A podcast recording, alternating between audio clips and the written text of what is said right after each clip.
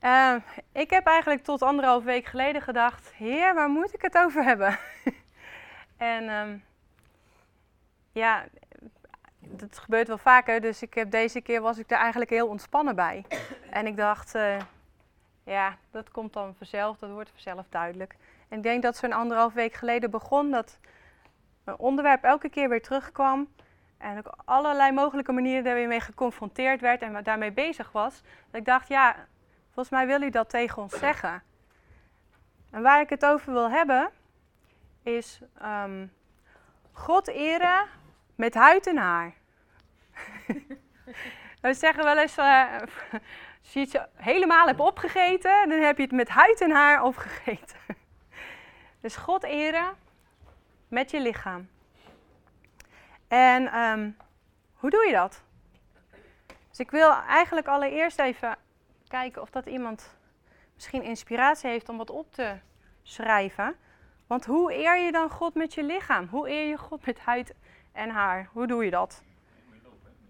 Je mag, je mag komen schrijven. Er is niks fout. Maar gewoon wat je zelf denkt van, nou, hoe eer je God dan met je lichaam? Hoe doe je dat? Je mag er gewoon op schrijven. Zal ik hem vasthouden? Dat wou ik doen. Dan zet je erachter, ik ook. Oké, kan doen. Mag ik andere Een beetje groter. Hier, pak maar de stiften eruit. Ja, er zijn meerdere stiften. We hebben een heel handje stiften. Uh, grote mensen mogen ook wat komen schrijven. Het is niet alleen voor tieners.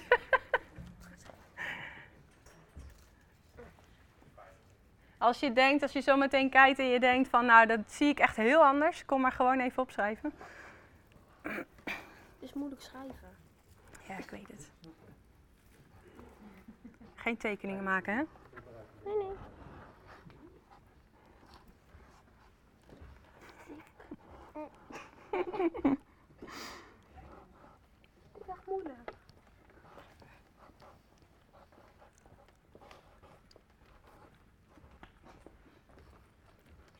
Als je klaar bent, mag je gaan zitten.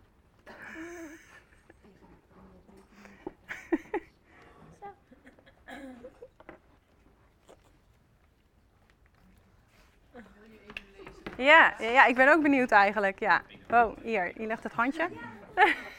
Vasthouden. Het is altijd lastig schrijven op zo'n uh, flip over.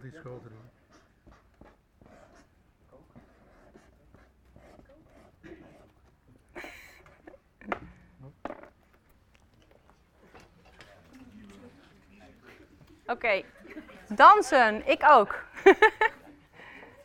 Muziek maken, zingen, knielen. Denkt er iemand, uh, nou daar heb ik wel een hele andere gedachte bij.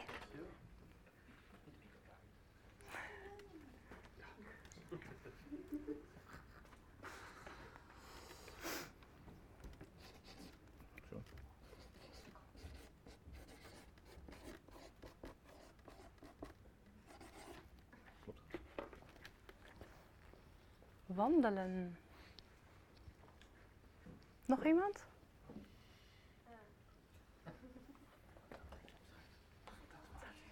Als je iets heel anders hebt, kom je nog een keer. Wat zeg je? De vraag nog een keer. Ja, de vraag is: hoe eer jij God met je lichaam?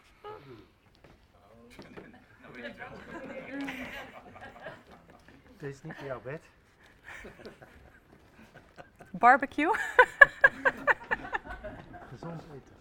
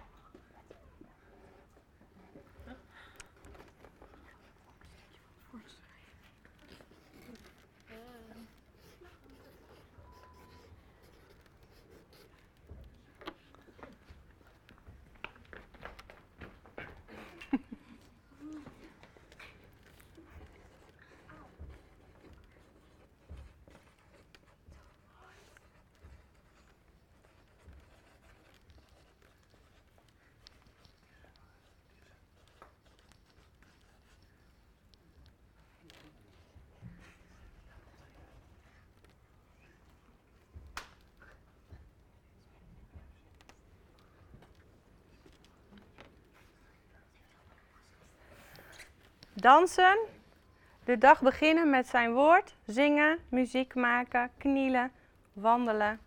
Gezond eten en sport. Vlaggen, knutselen. Iemand nog iets heel anders?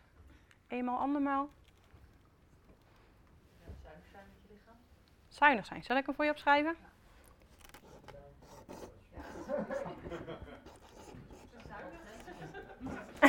Je bent wel heel zuinig, Trudy.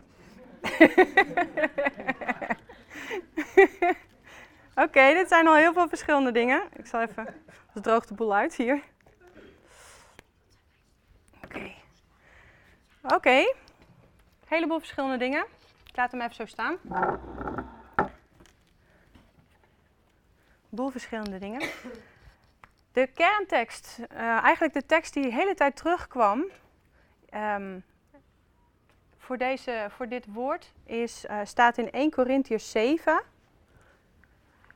vers 19 en 20. Dus ik wacht even tot iedereen die het wil mee kan lezen.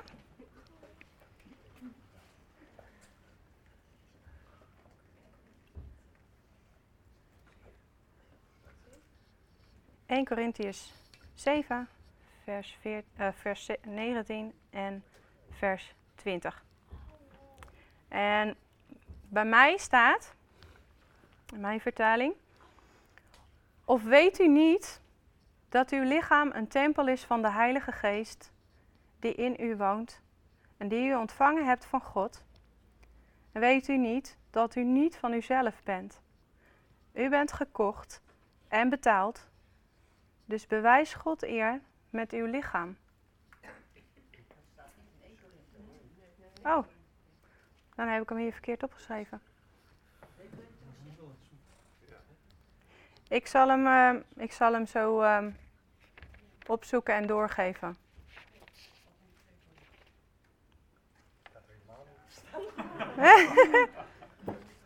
zelf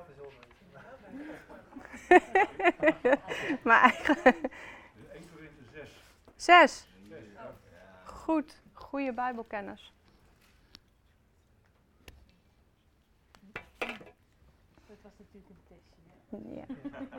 Jullie zijn heel scherp. Fijn. Dus die gaat straks nog terugkomen. Maar als je het dan hebt over je lichaam, wat is je lichaam?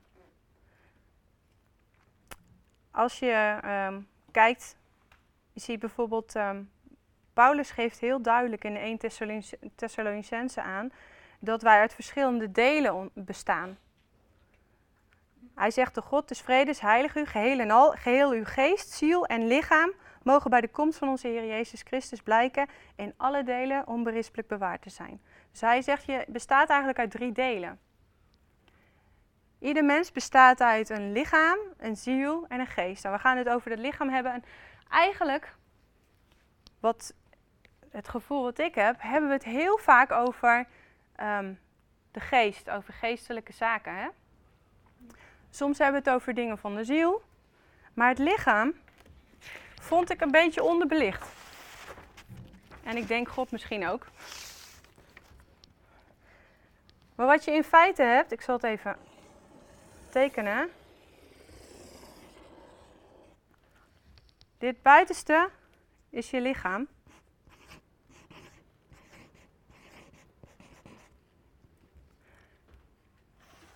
Dan zit hier je ziel.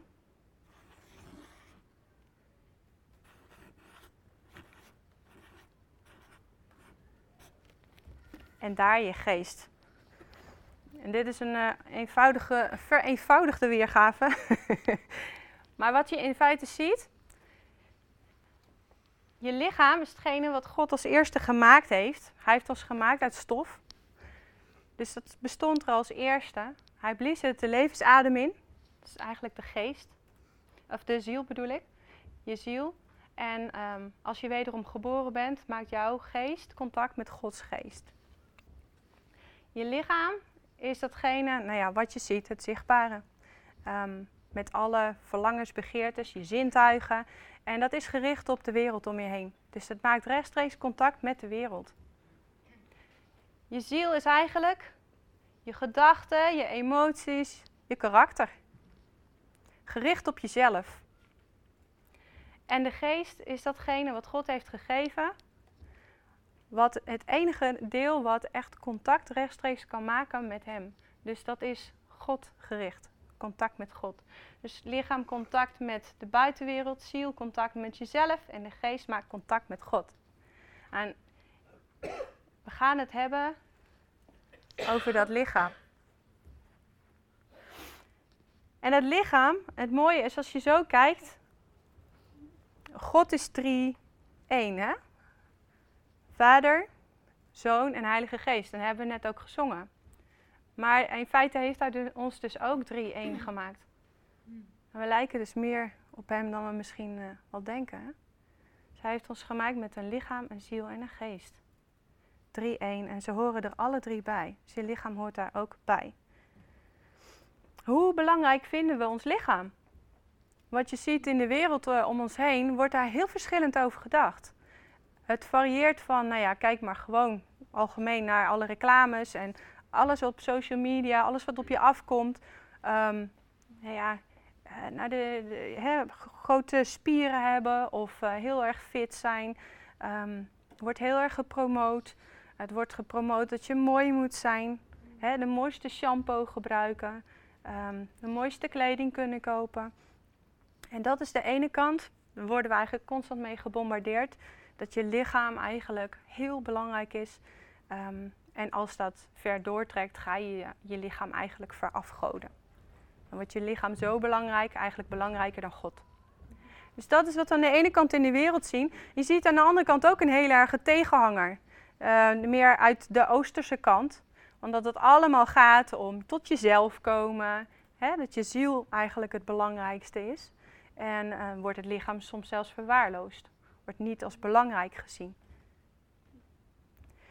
Dus die twee extremen zie je een beetje. Je zag het, uh, de christenen worstelen daar denk ik ook al, als ik het teruglees in de geschiedenis, worstelen we daar al eeuwen mee. Hoe, hoe zien wij ons lichaam? De eerste christenen bij, uh, um, nou ja, toen de, de reizen van Paulus, zou ik maar zeggen, die waren onder invloed of die waren gewend in een cultuur die Grieks was. Dat heeft uh, Bart ook verteld. En de Griekse cultuur was het lichaam van, van, nou dat zeiden de Griekse filosofen, het lichaam was eigenlijk maar een omhulsel. Want het ging eigenlijk om de geestelijke zaken en geestelijk tot groei komen. En dat lichaam, ja, staat vaak in de weg, belemmerd. Uh, werd als niet zo belangrijk gezien. En dat was de cultuur bijvoorbeeld um, van de Corinthiërs. En de andere um, eerste gemeenten die, die daarmee geconfronteerd werden. Dus het lichaam, ja, niet zo belangrijk. Ja, wat gebeurde er dan? Nou, het lichaam was niet zo belangrijk daar in Korinthe. Dus ja, immoreel leven, hmm, seks hebben met iedereen, maakt niet uit. Geestelijke groei, daar gaat het om, wat je met je lichaam doet. En dat was dus de cultuur waar die eerste gemeentes een beetje in moesten gaan leven. Ja, hoe gaan wij dan om met ons lichaam? Paulus echt heel duidelijk, die zegt, mijn lichaam behoort de Here toe 1 Corinthians 10, vers 31. Het zij dan wat u eet, het zij wat u drinkt, het zij dat u iets anders doet, doet alles tot heerlijkheid van God.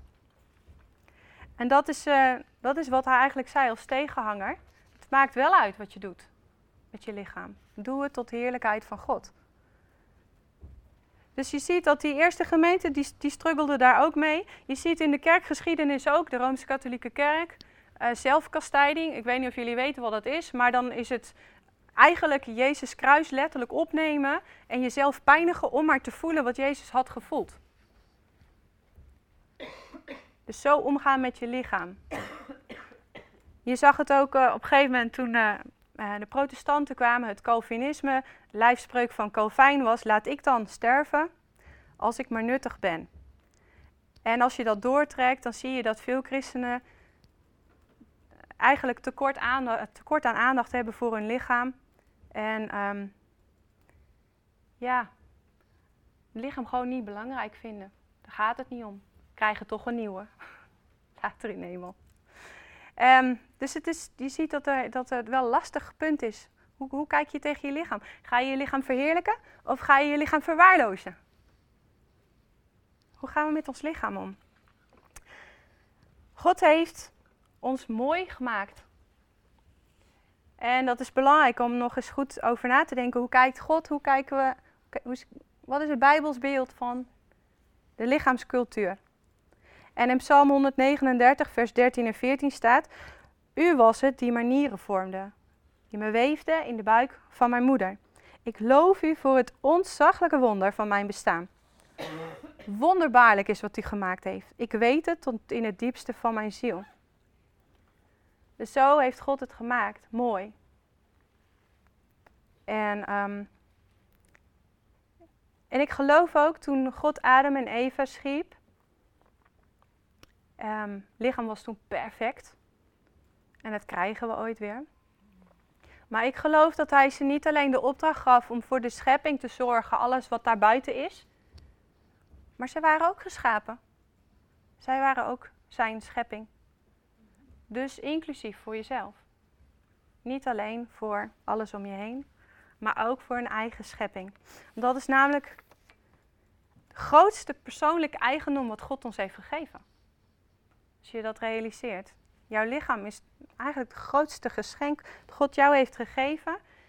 En het is een heel waardevol instrument dat je tot eer van Hem mag inzetten. En dat is, uh, ja, dus belangrijk denk ik om, om voor jezelf ook over na te denken. Hoe ga ik met mijn lichaam om? Niet alleen je hart, niet alleen je geest, ook je lichaam behoort de Heer toe. En dan zingen we um, meer van u in ons leven. Lord, I give you my heart, I give you my soul. Hè? Volledige overgave. Je kan wel met je hart zeggen, ja Heer, ik wil u. U mag het voor het zeggen hebben. Maar is dat ook voor je lichaam? Mag hij het daar ook voor het zeggen hebben?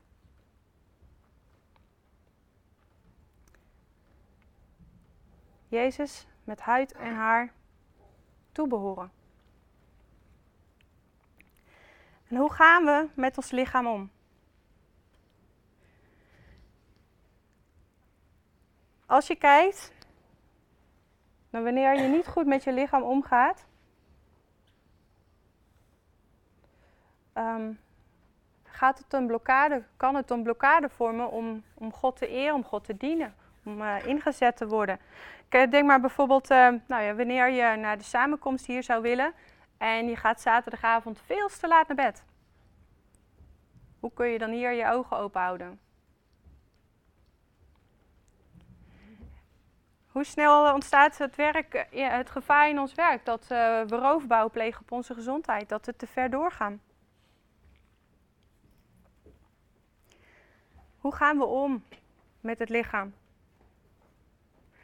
Um, als we bijvoorbeeld letten op onze voeding, als we letten op onze conditie, als we letten op signaaltjes die ons lichaam afgeeft om ons te waarschuwen, dan zijn we eigenlijk God beschikbaar met ons lichaam in de fitste vorm. Als je niet fit bent, kun je wel zeggen ik help de ander, maar als je jezelf bijna niet uit bed kan slepen, hoe gaat dat dan lukken?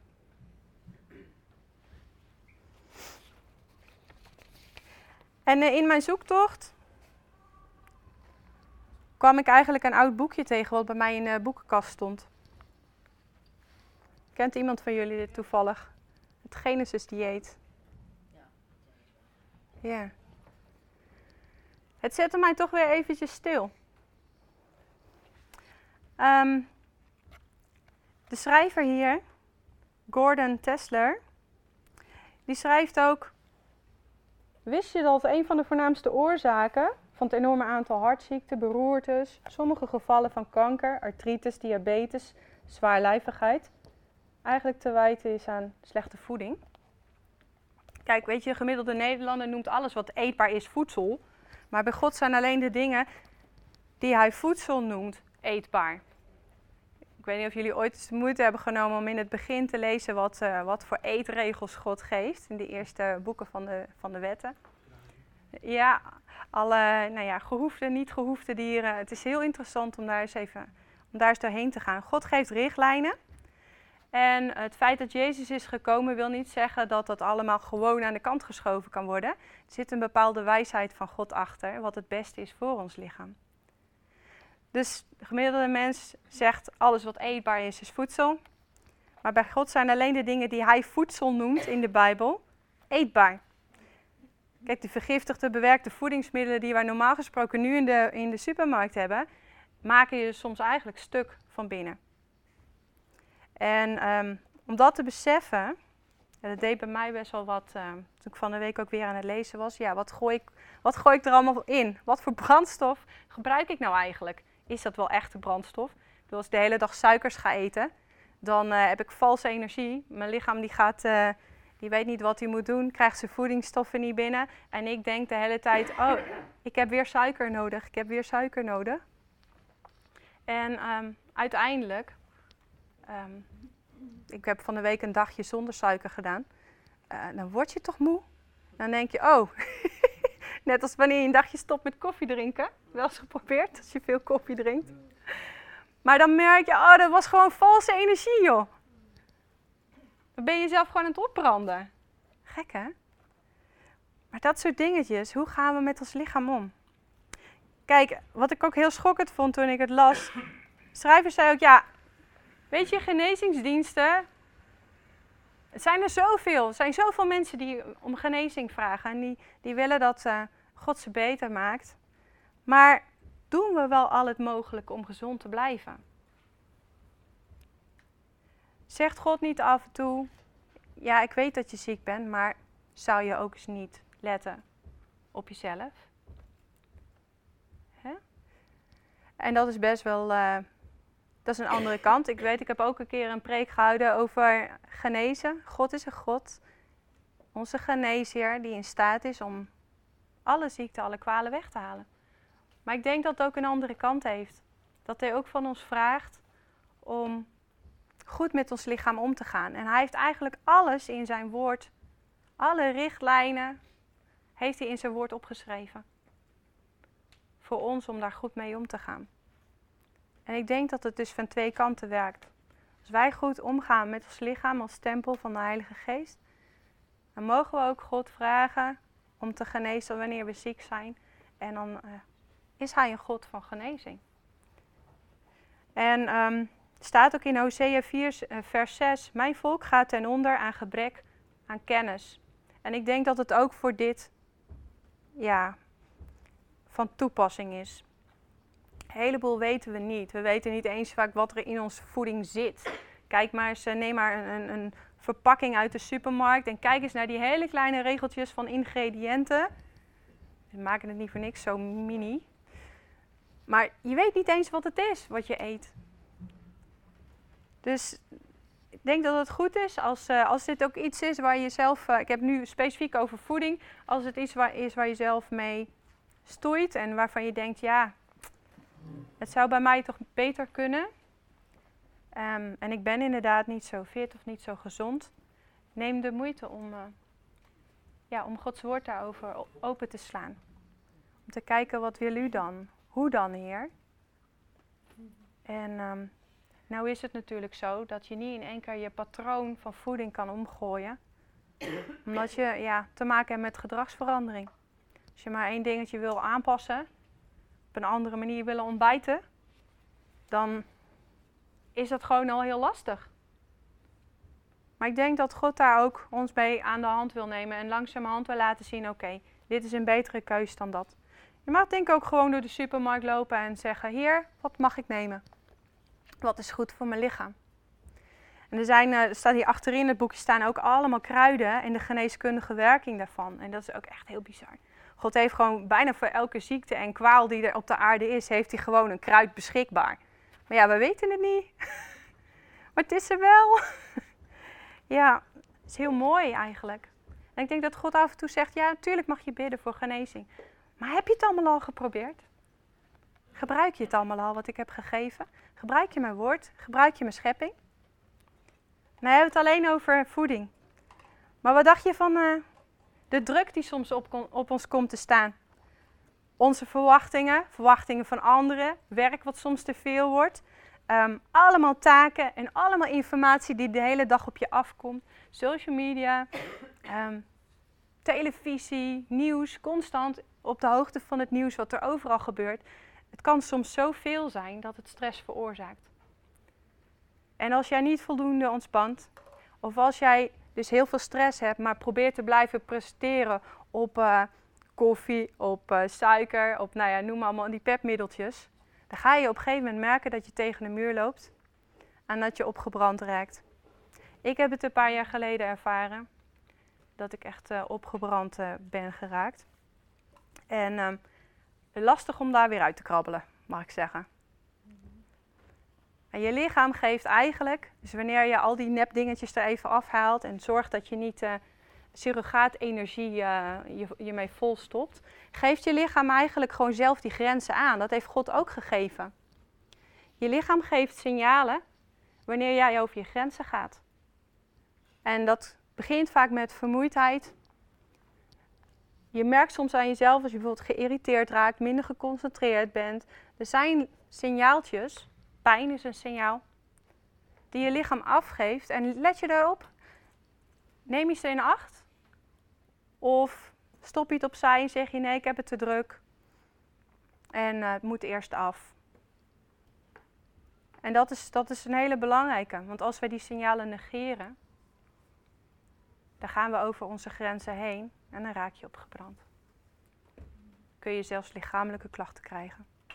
Zo werkt je lijf. Het gaat gewoon protesteren. Dus hoe, hoe gaan we ermee om? Hoe gaan we om met vermoeidheid, met stress? Hebben we voldoende rust? Kijk, de beperking van het leven, mensen zeggen er zijn helaas maar 24 uur in de dag. Maar dat mag je niet frustreren, want God heeft bewust die beperking gegeven. Um, en we willen niet ons lichaam gaan verwaarlozen. En ook Jezus, uh, het vlees geworden woord, dus hij is in lichaam gekomen, is hierin een voorbeeld. Toen zijn discipelen op een, tijd geen, uh, op een moment geen, geen tijd hadden om te gaan eten, Marcus 6, vers 31, zei hij: Nee, kom u zelf mee naar een eenzame plaats, alleen en rust wat. Dus hij zag gewoon stress of vermoeidheid bij zijn vrienden en zegt: Nee, nu niet. Nu gaan jullie mee. Ga naar een eenzame plek, alleen en rust wat uit. Dus Jezus gaf daarin ook het voorbeeld. En ik denk dat het uh, heel belangrijk is om die grenzen van jezelf, om die goed in acht te nemen. En je lichaam is uh, gemaakt met lusten, verlangens, zintuigen, alles wat je waarneemt, alles wat je ziet, wat mooi is, wat je proeft, wat lekker is. Het is heel erg gericht op de wereld. Um, en dat kan je zo verleiden om verkeerde dingen te doen. Dus is het makkelijk om God te dienen met je lichaam? Nee, er zijn best wel wat beren op de weg. Al je verlangen, is lekker en het is mooi en het is allemaal verleidelijk. Want de hele, ja, de, de, de digitale wereld is daar wel op geënt en je wordt constant mee geconfronteerd. Dus daar heb je mee te dealen. In, uh, in Galaten 5 vers 16 staat, wandel door de geest, voldoe niet aan de begeerte van het vlees. Dus er wordt een oproep gedaan door Paulus. Pas op, er zijn verlangens, er zijn verleidingen, maar doe dat niet.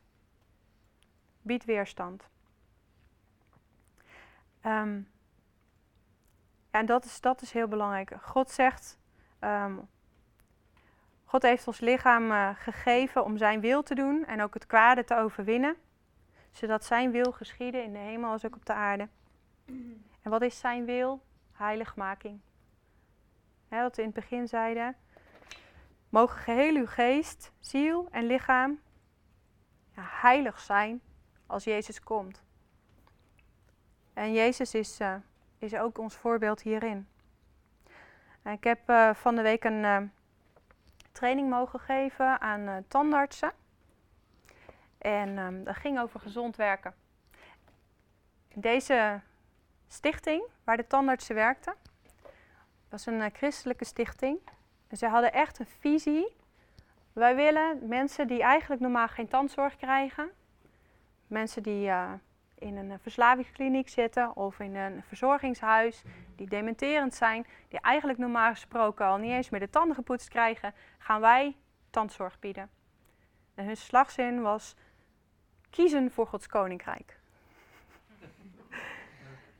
en dit was, dit was, eh, ik geef vaker trainingen over gezond, eh, gezond werken, maar dit was de eerste keer ook echt aan een christelijke organisatie. En zij stonden echt in, wij willen werken in Gods koninkrijk. Dus ik had echt in mijn voorbereiding, ik zat, oh hier, ik mag gewoon mijn geloof uiten tijdens de training.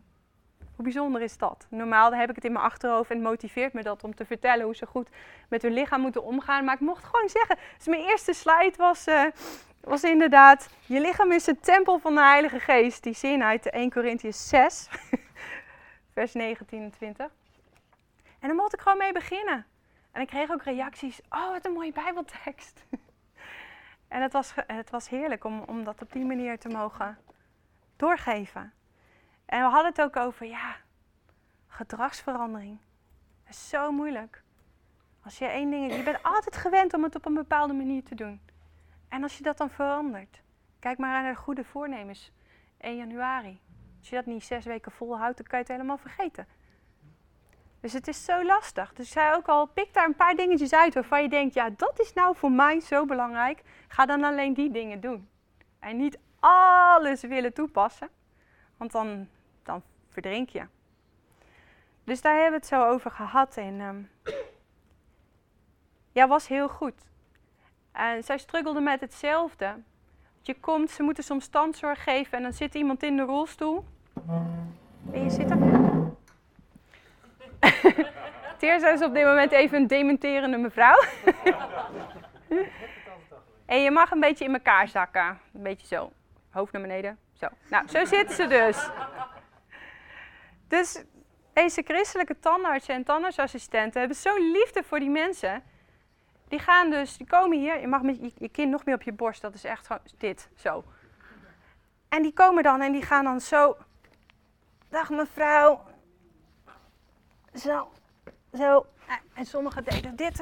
Mijn touwtje. Zo. En dan zo poetsen. maar de motivatie was. Dankjewel.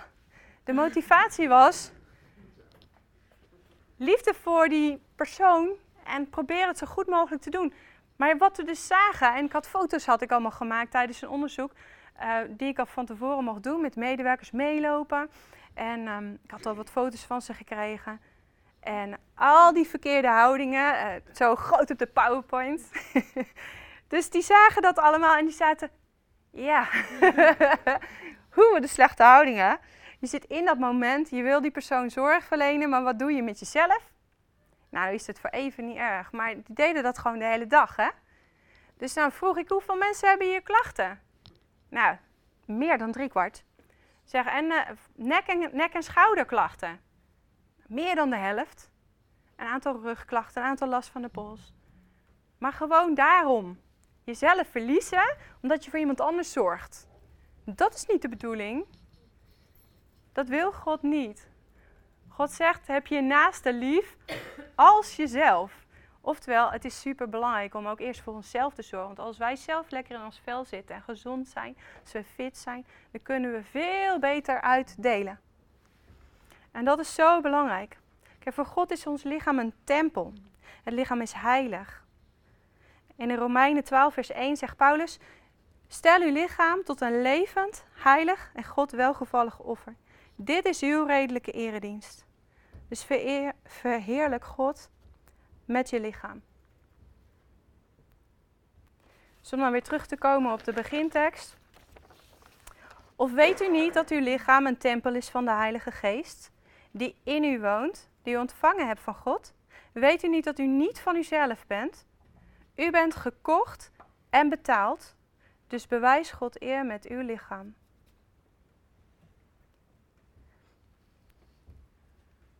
En ik wil, uh, ik wil nu deze tijd gebruiken om samen in kleine groepjes uh, momenten te nemen om te gaan bidden. Om dit met elkaar te delen. Waar struggle je mee? Waar heb je Gods hulp bij nodig? En ook echt voor elkaar te gaan bidden. En elkaar te gaan zegenen daarin. Misschien de komende tijd elkaar erin te gaan helpen. Te helpen herinneren. Je zou toch dat en dat doen? Lukt het? Kan ik helpen? Ja?